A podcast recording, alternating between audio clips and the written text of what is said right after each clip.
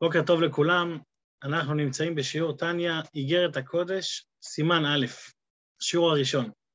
בשעה טובה ומוצלחת אנחנו מתחילים את, ללמוד את איגרת הקודש לאחר שסיימנו את uh, שלושת החלקים העיקריים והמרכזיים של ספר התניא, ליקוטי המרים, שער האיכות והאמונה ואיגרת התשובה. בעצם במקור, אדמו"ר הזקן, כשהוא כתב את התניא, הוא כתב את שלושתם, ולאחר מכן, אחרי שהוא נפטר, הבנים שלו, הם הוסיפו, כמו שהם גם בעצמם כותבים בהקדמה לספר, שקראנו אותה ממש בימים הראשונים של הלימוד, י"ט כסלו, כותבים שהם הוסיפו uh, מכתבים שהוא כתב שקשורים איכשהו לספר התניא. זאת אומרת, במכתבים האלה הוא הזכיר עניינים מתוך ספר התניא, אז הם ליקטו את המכתבים ושמו אותם כנספח בסיום הספר להשלמת עניינים, בגלל שיש כלל שאומר שדברי תורה עניים במקום אחד ועשירים במקום אחר. אז שבמקום אחד, יכול להיות שבתניא הוא כתב את זה ב... בקיצור ובתמצות, ובמקום אחר הוא הרחיב בזה יותר באגרות הקודש שלו. האגרות האלה הם לא, כתוב, הם לא מובאים כחטיבה אחת, זה לא איזושהי סדרה והמשך, אלא כל איגרת עוסקת בעניין מסוים, והיא, וזה נושאים משתנים. זה גם יכול לתת לנו פה איזשהו מעלה בסגנון הלימוד החדש שעכשיו אנחנו מתחילים, שזה לא מהלכים ואיפה אחזנו ואיפה היינו, אלא כל שיעור שניים, שלושה, אנחנו בנושא חדש. אז תמיד אפשר להחזיק ראש, תמיד אפשר אה, לזכור איפה אנחנו נמצאים ומה למדנו. קצת יותר קל. יש אה, 32, 32 אה, איגרות, 32 איגרות, ולאחר מכן יש לנו כמה קונטרסים שנקראים קונטרס אחרון, שזה עוד מכתבים שהוא כתב בקשר, ב... בהקשר לספר התניא, לבאר עניינים שמבוארים בספר התניא. העניינים שמבוארים באיגרות הם עניינים כלליים, זה מכתבים שהוא שלח אותם לאנשים מסוימים, שכל מכתב הוא מבטא איזשהו, איזה משהו, מסר שהוא רוצה להעביר, או תיקונים שצריך לתקן, או מסרים שצריך להעביר, או ביורי עניינים, ביורים בחסידות, דברים שלא, שלא אה, אה, בוארו די הצורך בחלקים הראשונים, זה יכול להיות עניינים שהוא מדבר על ענייני צדקה, יש שלל נושאים, אחדות השם וכולי. אה, אנחנו נתחיל לפי הסדר ונתחיל מאיגרת הקודש סימן א', שזה השיעור של היום. אה, גם האיגרת הזאת, חשוב, חשוב לדעת שהאיגרות לא, לא, לא, לא סידרו אותן באופן מסודר לפי סדר הכתיבה שלהן. זאת אומרת, כמו שאומרים, אין מוקדם ומאוחר בתורה, אז פה באיגרות הקודש זה באמת, אה, באמת בולט, שיש איגרות שנכתבו לפני ואחרי, זאת אומרת, אין בסדר האיגרות לקבוע מה נכתב לפני מה, אלא בעיקר זה סדר שסידרו אותם באופן תוכני. עוד נקודה שהרבי מאיר, למה קוראים לאיגרת הקודש איגרת הקודש ולא איגרות, לשון רבים? הרי יש פה הרבה איגרות, למה איגרת הקודש? אז הרבי אומר שאולי זה בגלל שאחרי שנכתב כבר איגרת התשובה, שאיגרת לשון יחיד, למרות שגם באיגרת התשובה יש הרבה פרקים, אז גם החליטו על דרך זה כבר לקרוא לזה איגרת הקודש, לשון, לשון, לשון יחיד. עוד רמז בעניין של איגרת הקודש, שבאגרות האלה האדמו"ר זקן מוריד לנו את העניינים למטה-מטה בהסברה לבן אדם, זה כמו איגרת ששולחים אותה למקום רחוק, ככה גם אדמו"ר הזקן שול, נותן את הברכות, נותן את העניינים שיגיעו למקום רחוק. זה מתבטא, זה מקבל ביטוי גם בפתיחה של האיגרת הראשונה, כמו שאנחנו יכולים לראות, שאיך היא פותחת, היא פותחת במילים, פותחים בברכה. אז אדמו"ר הזקן כן פותח, את, זה לא רק פתיחה של האיגרת הראשונה, אלא זה פתיחה של כל החלק הזה של איגרת הקודש, שהוא פותחים בברכה. ברכה, מה זה ברכה? ברכה זה המשכה, זה הורדה למטה, כמו שאנחנו יודעים, מלשון המבריך את הגפן, שהברכה זה פעולה של המשכה והורדה למטה. שמעתי עוד לשון מעניינת, שברכה זה גם מלשון ברכיים, להוריד את, ה, את השכל שבראש שיגיע עד הברכיים. את הברכות שהם יגיעו לא רק ברוחניות, אלא הם יגיעו גם בגשמיות פה למטה. וזה הקשר לאיגרת, שאיגרת, סליחה, שאיגרת אה, אה, היא גם מגיעה למקום רחוק, היא מגיעה לתת ברכה במקומות הכי הכי נמוכים. פותח אדמו"ר זקן את איגרת א', ובברכה כמובן, פותחים בברכה לברך ולהודות להשם כי טוב, שמועה טובה, שם, שם, טובה, שמעה ותחי נפשי, אין טוב אלא תורה, תורת השם תמימה. מה השמועה הטובה שאדמו"ר הזה כן שמע? זו השלמת כל הש"ס כולו ברוב עיירות ומניינים מהנש. שזה אגב, מיד אחרי, שאדמור, מיד אחרי שמסתיים איגרת התשובה, נפתחת האיגרת הזאת בברכה על סיום הש"ס. אז גם בזה מצאו, חסידים מצאו רמזים, שאולי הבנים של האדמו"ר הזקן סידרו את זה בכוונה ראשון, התחושה הטובה, שכמו שבן אדם מרגיש שהוא סיים את הש"ס, ככה התחושה הטובה כשמסיימים את אה, איגרת התשובה. אז אדמו"ר הזקן בעצם מברך על מה? על זה שהוא שמע ששמ... שסיימו את הש"ס. למה סיימו את הש"ס? בגלל ששנה לפני כן, מדובר פה על בערך שנת תקס"ג, האיגרת הזאת נכתבה משנת תקס"ג, שנה לפני כן אדמו"ר הזקן ביקש שבכל קהילה וקהילה יחלקו, סליחה, יחלקו את הש"ס בין כל המשתתפים בקהילה ויסיימו אותו ביחד כולם. למה צריך לעשות את זה בצורה כזאת? כי באמת יש, יש עניין שכל אחד יש, יסיים את הש"ס במשך שנה. הבעיה שלא כל אחד באמת יכול לסיים את הש"ס, אז מה עושים? מחלקים את זה בין כל הקהילה. אנחנו היום כבר עושים את זה בי"ט כסלו, אז לא היה לפי תאריך, אבל יש מעלה שכולם מסיימים ביחד את הש"ס, זה בעצם כביכול, יוצ... זה נקרא על שם, על שם כל אחד ואחד, שכביכול כל אחד ואחד סיים את כל הש"ס. יש לזה, יש לזה גם הוכחה מלכות שבת, שאנחנו רואים שאם בן אדם לא יכול לעשות איזושהי מלאכה לבד והוא עושה אותה ביחד עם עוד מישהו, אז המלאכה נקראת על שניהם וכל אחד הוא בעצם חייב על מלאכה שלמה. כאילו נעשו פה שתי מלאכות.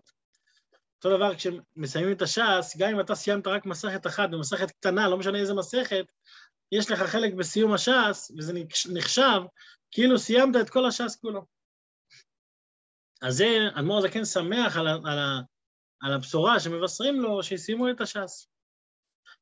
אומר אדמו"ר הזקן, הודעה לעבר ובקשה לעתיד. כמובן, אחרי שאדמו"ר הזקן מקבל את השמועה הזאת, הוא יסביר למה הלימוד של הגמרא הוא כל כך חשוב וכל כך נעלה, ולמה הוא מוסיף ומבטא את העניין של האמונה היהודית. בואו נראה את זה במהלך האיגרת. הודעה לעבר ובקשה לעתיד. כה ייתן וכה יוסיף השם לאמץ ליבם בגיבורים מדי שנה בשנה בגבורה של תורה. למה האדמו"ר הזה כן נותן את החיזוק הזה? כי שוב, כי לא מדובר פה על אנשים שיושבים כל היום ולומדים, אלא מדובר פה על בעלי עסקים, אנשים שהם עסוקים בעבודת עבודת השדה, עבודת היום, כל היום עובדים, וכשמסיימים לעבוד, אז הם מפנים את הזמן בשביל ללמוד תורה, לכן האדמו"ר הזה כן מוסיף להם פה לאמץ ליבם בגיבורים. צריך פה גבורה מיוחדת להתמיד וללמוד, למרות שיש קביעות בעבודה, צריך גם להתמיד וללמוד. לכן הוא אומר, הגבורה הזאת של ההתמדה היא גם מוסיפה בגבורה של תורה. ולהודיע לבני אדם גבורתה של תורה שבעל פה וכוחה עוז, כדי שבאמת לתת לך חיזוק על מה שאתה עושה ועל הגבורה שלך, אז בוא אני, אספ... בוא אני אבאר לך מה המעלה הגדולה של תורה שבעל פה, ומה הכוח של הכוחה עוז, זאת אומרת, איך היא נותנת כוח לאדם. כדי להסביר את המעלה של תורה שבעל פה ואת הכוח שהיא נותנת, הגמר כן מתלבש על פסוק ב... אה, אה, במשלי, שהוא לקוח מתוך המזמור המפורסם, אשת חיל מי ימצא. אשת חיל מי ימצא, אז אה, ידוע שעל מי נכתב אשת, על מי נכתב אשת חיל מי ימצא? מי...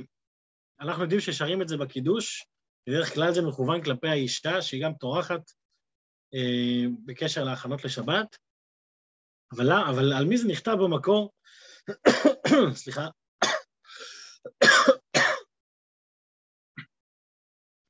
על מי זה נכתב אה, במקור? סליחה. על מי זה נכתב במקור? אז יש כמה, כמה דעות בזה. יש כאלה שאומרים שאברהם כתב את זה על שרה, בתור הספד לשרה, ויבוא אברהם לספוד לשרה ולבכותה, אז הוא, הוא כתב על זה במזמור אשת חיל. יש כאלה שאומרים ש... יש שם הוכחה בפסוקים, אני לא זוכר עכשיו. כאלה שאומרים שדוד כתב את זה לבת שבע, נודע בשערים בעלה. יש, ויש כאלה שאומרים שזה בכלל משל בין כנסת ישראל לקדוש ברוך הוא, שהקדוש ברוך הוא החתן, כנסת ישראל היא הכלה, והקדוש ברוך הוא אומר את זה בעצם לעם ישראל.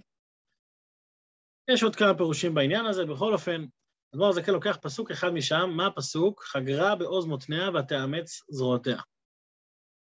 פירש, פירש שלמה המלך עליו השלום, אני קורא פה בפנים, חגרה בעוז מותניה וכולי. אז עכשיו אדמו"ר הזקן רוצה להסביר מה זה, מה זה מותניים, מה זה מותניים בגוף האדם ומה זה בנפש האדם, ומה זה חגרה בעוז מותניה, זאת אומרת, מה זה החגורה הזאת שהיא נותנת עוז וכוח.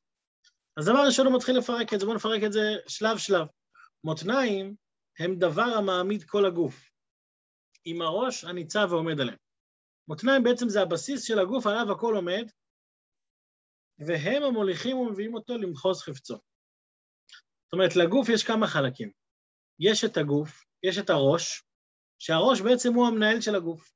הוא בעצם בעל הבית. על פיו יישק כל דבר. אחר כך יש את הזרועות, הזרועות ובסיס הגוף, שהם בעצם ה, מה שנקרא, נקרא לזה ההתפשטות של הגוף, תכף אדמר זקן בעצמו יסביר מה ההבדל ביניהם, ומותניים הם הבסיס.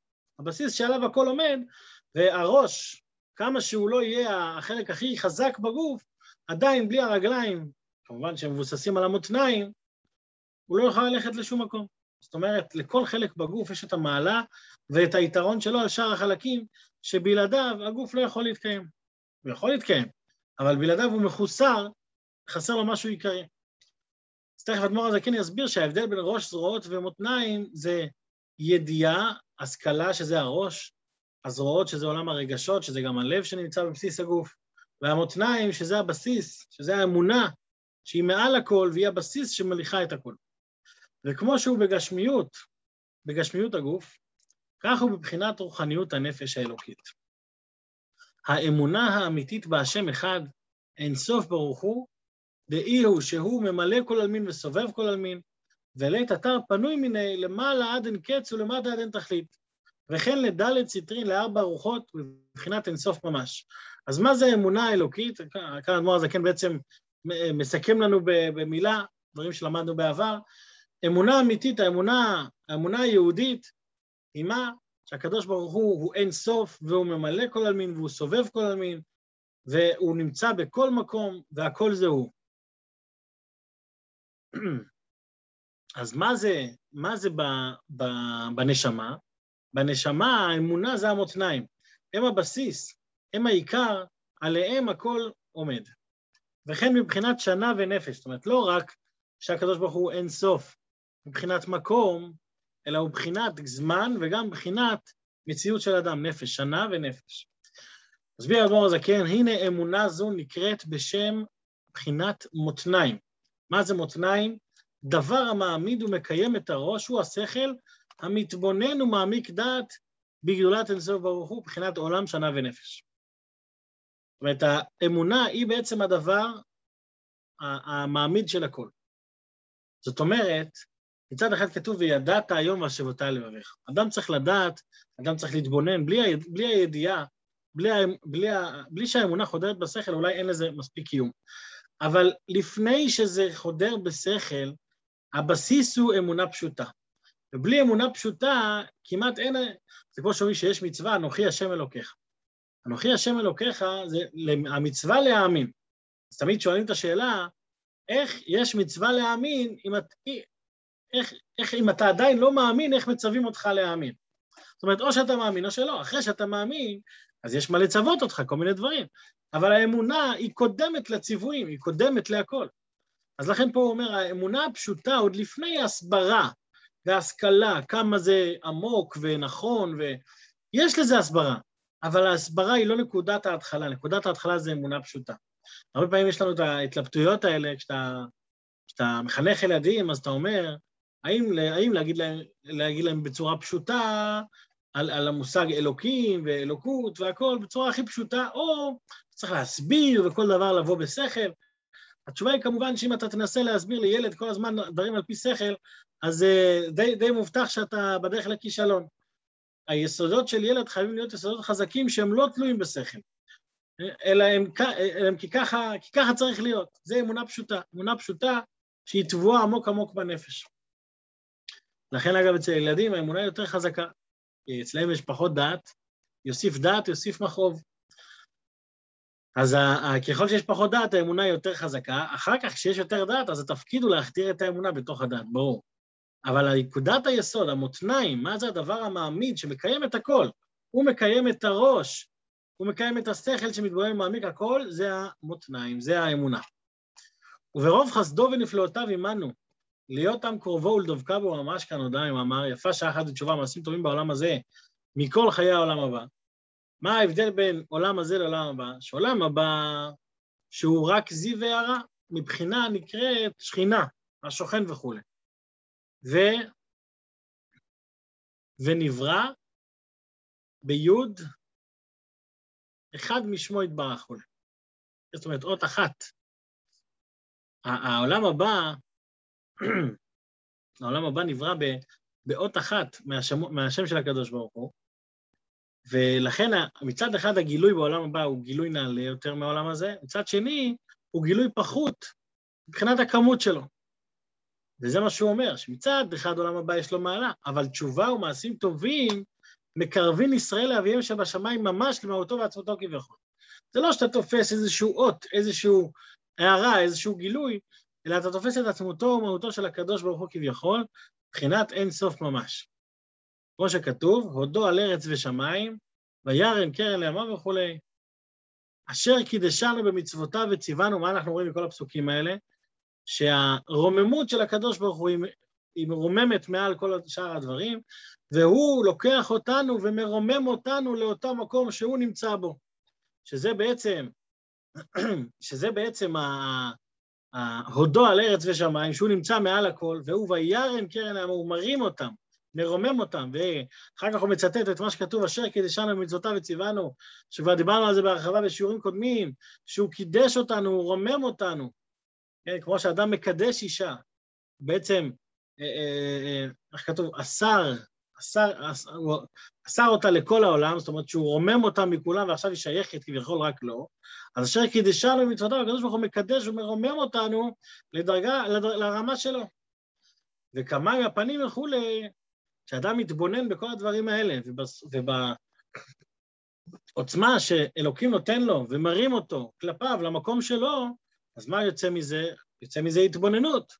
ומה ההתבוננות הזאת פועלת? להוליד מתבונה זו דחילו ורחימו שכליים. דחילו ורחימו זה אהבה ויראה. מה זה דחילו ורחימו שכליים? זה אהבה ויראה שמבוססים על השכלה עמוקה מאוד. כפי שאמרנו גם בחלק הראשון של התניא, שזה לאו דווקא שייך לכל אחד ואחד, אבל דחילו ורחימו שכליים זה דרגה עמוקה של תובנה שמביאה אותי לאהבת השם ברמה גבוהה מאוד, אהבה שלי שבאה מתוך ידיעה. אז זה אהבה גבוהה, אבל יש אהבה נמוכה יותר, שהיא נקראת או טבעיים. דחילו ורחימו טבעיים. מה זה דחילו ורחימו טבעיים? זה אהבה טבעית שיש בתוכי. זה לא אהבה מחודשת שהיא באה רק על בסיס השכל, אלא אהבה שנמצאת בתוכי, שזה אגב קשור למה שאמרנו קודם על המותניים, שהאמונה היא חלק מהיהודי, לא משנה מה, היא נמצאת בתוכו. היא נמצאת בתוכו והיא מאירה בו, ויש לו אהבה טבעית להשם. אז מה שהוא צריך, קצת לעורר התבוננות, וההתבוננות הזאת מעוררת את אותה אהבה טבעית שיש לכל אחד ואחד. שמה גורם את אותה אהבה טבעית? להיות בחינת צעק ליבם אל השם, או בחינת רשפי אש ושלבת עזה, בחינת רצו. ואחר כך בחינת שוב. זאת אומרת, יש לנו פה, מה, מה זה גורם האהבה הזאת, האהבה שכלית או טבעית? הרצון הזה להתחבר, צעק ליבם אל השם. אני רוצה להתחבר, אני רוצה, אני רוצה להיות קשור. או יותר מזה, רשפי אש ושלבת עזה, שזה כמו שבן אדם מרגיש תשוקה כל כך חזקה למשהו, כך הוא ירגיש תשוקה להיות מחובר לקדוש ברוך הוא, שהתשוקה הזאת היא מבחינת רצו. מה זה רצו? רצו זה, זה תנועה של יציאה מעצמי, אני רוצה להגיע למשהו, זה רצון חזק מאוד, אבל רצון חזק מאוד יכול להוביל לדברים שליליים. כמו שראינו אצל נדב ואביהו, בני אהרון, שהיה להם רצו חזק מאוד, וזה גרם לכך שהם, שהם איבדו את החיים שלהם. לכן חייב להיות שוב, חייב להיות תנועה של חזרה למקור. ואחר כך בבחינת שוב. מה זה בחינת שוב? לא מספיק רק האהבה, האש, אלא צריך להיות פחד השם בליבו, ולבוש מגדולתו וכולי. זאת אומרת, התנועה של אהבה זה תנועה של אש, תנועה חזקה. אבל תנועה של אש היא לא מספיקה, כי רק אש יכול להיות צורף. אני צריך גם תנועה של פחד, של יראה. פחד ויראה זה לא אש. פחד ויראה זה כבר בושה, זה תנועה של בושה, תנועה של התכווצות, לא תנועה של התפשטות. והוא בחינת שמאל דוחה. יש, כתוב לעולם תהיה שמאל דוחה וימין מקרבת. ימין מקרבת זה התנועה של קירוב, זה הצד הימין שאתה מחפש להתקרב לקדוש ברוך הוא. שמאל דוחה זה אומר, אני, אני רוצה להיות קרוב, אבל מי אני? איך אני, איך אני יכול להראות את הפרצוף שלי מול האור הגדול הזה? ואז כשיש לי את שתי התנועות האלה ביחד, אז זה נותן לי איזון בכוחות הפנימיים שלי, באהבה שלי, באהבה, האהבה שלי את השם והיראה שלי את השם. כמו שכתוב, אגב, עכשיו, שימו לב, בשורה הזאת, אדמו"ר הזה כן סוגר לנו את הפינה ומחזיר אותנו חזרה לנושא. כמו שכתוב במתן תורה, וירא העם וינועו ויעמדו מרחוק פולה. שהיה אור, היה הערה גדולה מאוד במתן תורה, העם ראה את זה, מרוב שזה פעל למראה, הם עמדו מרחוק, הם לא יכלו להתקרב. מצד אחד היה שם קירוב הכי גדול, מצד שני יעמדו מרחוק. והן מבחינת הזרועות והגוף שבנפש. אז בעצם כאן הדבר הזה כן בעצם מחזיר אותנו חזרה לנושא שלנו. אמרנו שיש ראש, אה, זרועות ומותניים. אז הדבר הזה כן הולך מלמטה למעלה. דבר ראשון, מה הבסיס של הנפש? המותניים. המותניים זה האמונה. האמונה, היא מחזיקה אותך בכל המצבים, בין אם אתה מבין אותה, בין אם אתה לא מבין אותה. אמונה פשוטה היא הבסיס, היא היסוד. אצל הבעל שם טוב ראו את זה במפורש. הבעל שם טוב היה מקרב את האנשים הפשוטים דווקא. היו, והחכמים והרבנים היו מתעצבנים עליו על זה. איך אתה ככה מקרב את האנשים הפשוטים? איפה כבוד התורה, איפה האנשים שהתייגעו ולמדו כל החיים שלהם, אתה ככה מזלזל בהם? אבל הבעל שם טוב היה מלמד את האנשים להעריך את הפעולות הקטנות. היה סיפור אחד פעם, שהוא הזמין אנשים אליו בשבת, ובליל שבת הם ראו ש... שהוא מקרב רק את האנשים הפשוטים, אנשים עניים שבאו לאכול על השולחן, בעל שם טוב מקרב אותם, והם ישבו בקצה השני, הם ממש נעלבו. בבוקר של יום השבת, אז זה היה סעודה רק עם התלמידי חכמים כביכול, ואת האנשים הפשוטים, הבעל שם טוב שלח אה, לקרוא, לקרוא תהילים בבית כנסת. ואז כש... כשישבו בסעודה, אז הבעל שם טוב ביקש מכל התלמידים לשים ידיים אחד על השני, ו... והוא סגר את המעגל, שם יד על שתי תלמידים. איך שהוא סגר את המעגל, הוא בעצם חיבר אותם ורומם אותם קצת, נתן להם חיזיון. מה החיזיון? הם פתאום התחילו לשמוע מנגינות מתוקות וערבות של פרקי תהילים. הם שומעים איזה פסוק שמישהו אומר ברגש כל כך עוצמתי, שהוא רגש חזק הרבה יותר מכל עבודת השם שלך. ואז הם הבינו שהאנשים הפשוטים האלה, כשהם אומרים תהילים, הם אומרים את זה באמת הרבה יותר ממה שהם למדו תורה כל החיים. אז הם הבינו למה הבעל שם טוב מעריך אותם, כי הבעל שם טוב רואה את הפנימיות שלהם. הוא רואה את הנשמה שלהם ולא רק את החיצוניות איך שהם נראים כלפי חוץ. סיפרתי את זה גם פעם אחת באחד השיעורים, על אחד חסיד של אדמו"ר הזקן שראו אותו מתפלל שעות כל יום, שאלו אותו, מה, אתה לא יודע, אתה בקושי יודע לקרוא ולכתוב, אז איך אתה, על מה אתה מתפלל? אז הוא אמר שכשהוא היה פעם אצל אדמו"ר הזקן ביחידות, אדמו"ר הזקן אמר לו, שכתוב שמור וזכור בדיבור אחד, כן? בעשרת הדיברות נאמר בדיבור אחד שמור וזכור. אז האדמו"ר הזקן אמר לו, צריך לשמור ולזכור בכל דיבור ודיבור את האחד של הקדוש ברוך הוא, את, את הקדוש ברוך הוא, כל מילה שאומרים. אז הוא אומר, ועם הדבר הזה אני מתפלל כבר 30 שנה, מהאמרה הזאת. זאת אומרת, האנשים הפשוטים, האמונה, למה אני מספר את זה כאן? כי המותניים, האמונה הפשוטה, האמונה הפשוטה היא הבסיס, היא היסוד להכל. בלי אמונה פשוטה, אז אין לך, אין לך מאיפה, אין לך מאיפה להתחיל לאן להתקדם. מה השלב השני אחרי אמונה פשוטה? זה עולם הרגשות. עולם הרגשות שמגיע וניזון מעולם, מעולם השכל. שהשכל מוליד רגשות. איזה סוג רגשות? יש לי רגשות שכליים ורגשות טבעיים. אבל הרגשות האלה הם בעצם התנועה של אהבה ואש כלפי הקדוש ברוך הוא, ותנועה של יראה, תנועה של וירא העם וינועו. אז עד כאן בעצם אנחנו יודעים מה זה מותנע, מהפסוק חגרה בעוז מותנע. עכשיו אנחנו צריכים להבין מה זה חגרה בעוז, מה זה החגורה הזאת ומה זה העוז, מה, מה נותן את הכוח שהכו, שהאמונה הזאת תהיה חזקה. זאת אומרת, האמונה היא בסיס, אבל אם היא לא מטופחת, אז היא יכולה גם להתפרק. אז, וזה בעצם מה שאדמו"ר זקן רוצה להסביר באיגרת הזאת, את הכוח של התורה, שהיא מחזקת ו, ומעשירה את האמונה. אז עד כאן החלק הראשון של האיגרת הזאת, בעזרת השם בשיעור הבא נמשיך את האיגרת עד לסיומה, בעזרת השם. שיהיה בינתיים יום טוב לכולם, בשורות טובות, יישר כוח לכל המשתתפים. יישר כוח, יום טוב, יישר כוח.